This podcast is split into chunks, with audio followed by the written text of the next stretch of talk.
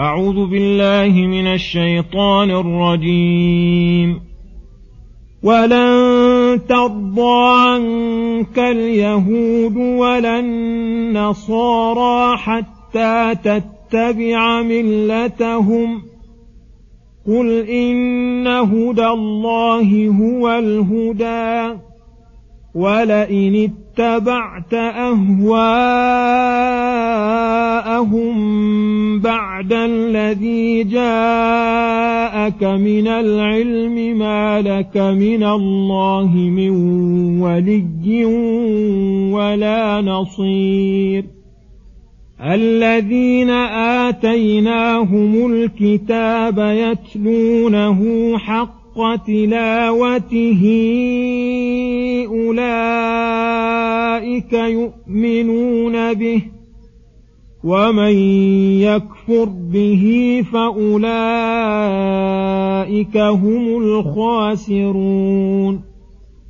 يا بني إسرائيل اذكروا نعمتي التي أنعمت عليكم ۖ وأني فضلتكم على العالمين.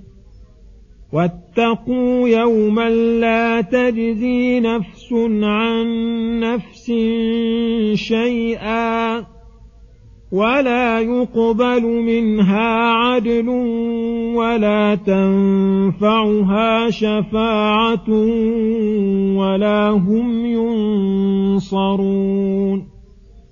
وإذ ابتلى إبراهيم ربه بكلمات فأتمهن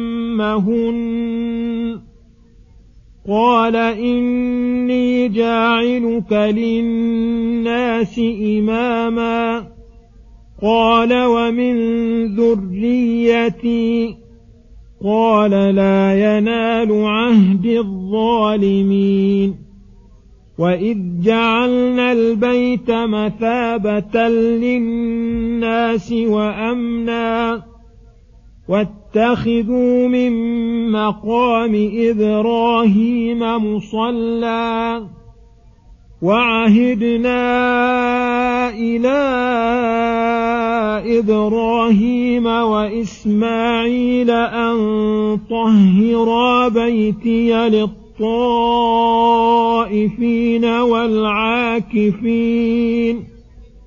للطائفين والعاكفين والركع السجود. بسم الله الرحمن الرحيم. السلام عليكم ورحمة الله وبركاته. يقول الله سبحانه ولن ترضى عنك اليهود ولا النصارى حتى تتبع ملتهم الآيات. يخبر تعالى رسوله أنه لا يرضى منه اليهود ولا النصارى إلا باتباعه دينهم لأنهم دعاة إلى الدين الذي هم عليه ويزعمون أنه الهدى فقل لهم إن هدى الله الذي أرسلت به هو الهدى وأما ما أنتم عليه فهو الهوى بدليل قوله ولئن اتبعت أهواءهم بعد الذي جاءك من العلم ما لك من الله من ولي ولا نصير فهذا فيه النهي العظيم عن اتباع أهواء اليهود والنصارى والتشبه بهم فيما يختص به دينهم.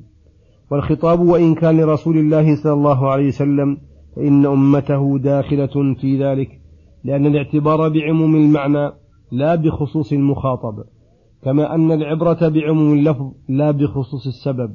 ثم قال الذين آتيناهم الكتاب يتلونه حق تلاوته أولئك يؤمنون به. ومن يكفر به فأولئك هم الخاسرون. يا بني إسرائيل اذكروا نعمتي التي أنعمت عليكم وأني فضلتكم على العالمين. واتقوا يوما لا تجزي نفس عن نفس شيئا ولا يقبل منها عدل ولا تنفعها شفاعة ولا هم ينصرون. اخبر تعالى أن الذين آتاهم الكتاب ومن عليهم به منة مطلقة أنهم يتلونه حق تلاوته أي يتبعونه حق اتباعه والتلاوة الاتباع فيحلون حلاله ويحرمون حرامه ويعملون بمحكمه ويؤمنون بمتشابهه وهم وهو وهؤلاء هم السعداء من أهل الكتاب الذين عرفوا نعمة الله وشكروها وآمنوا بكل الرسل ولم يفرقوا بين أحد منهم فهؤلاء هم المؤمنون حقا لا من قال منهم نؤمن بما أنزل علينا ويكفرون بما وراءه. ولهذا توعدهم بقوله ومن يكفر به فأولئك هم الخاسرون. وقدمت وقد تقدم تفسير الآية التي بعدها. ثم يخبر تعالى عن عبده وخليله إبراهيم عليه السلام المتفق على إمامته وجلالته الذي كل من طوائف أهل الكتاب تدعيه. بل وكذلك المشركون أن الله ابتلاه وامتحنه بكلمات أي بأوامر ونواهي كما هي عادة الله في ابتلائه لعباده ليتبين الكاذب الذي لا يثبت عند الابتلاء والامتحان من الصادق الذي ترتفع درجته ويزيد قدره ويزكو عمله ويخلص ذهبه. وكان من أجلهم في هذا المقام الخليل عليه السلام.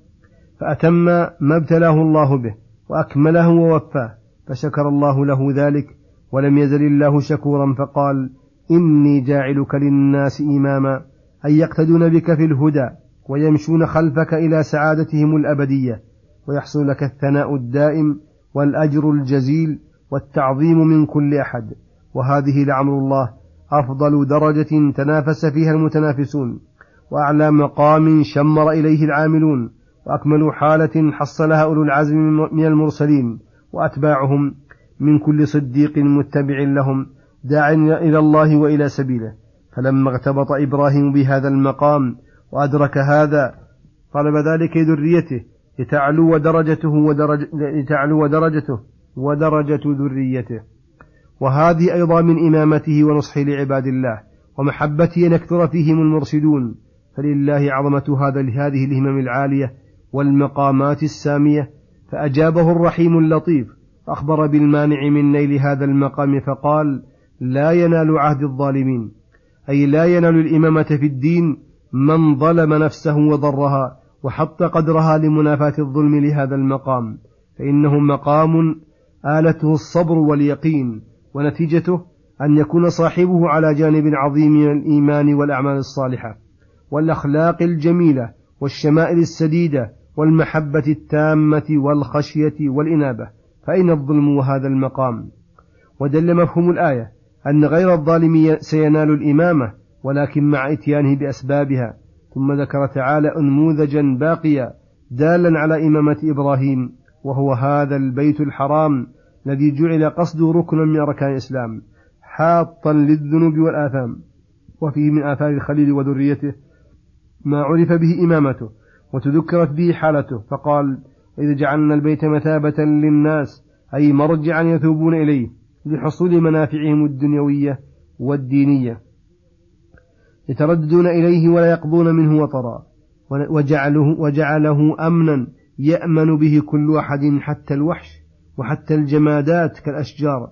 ولهذا كانوا في الجاهلية على شركهم يحترمونه أشد احترام.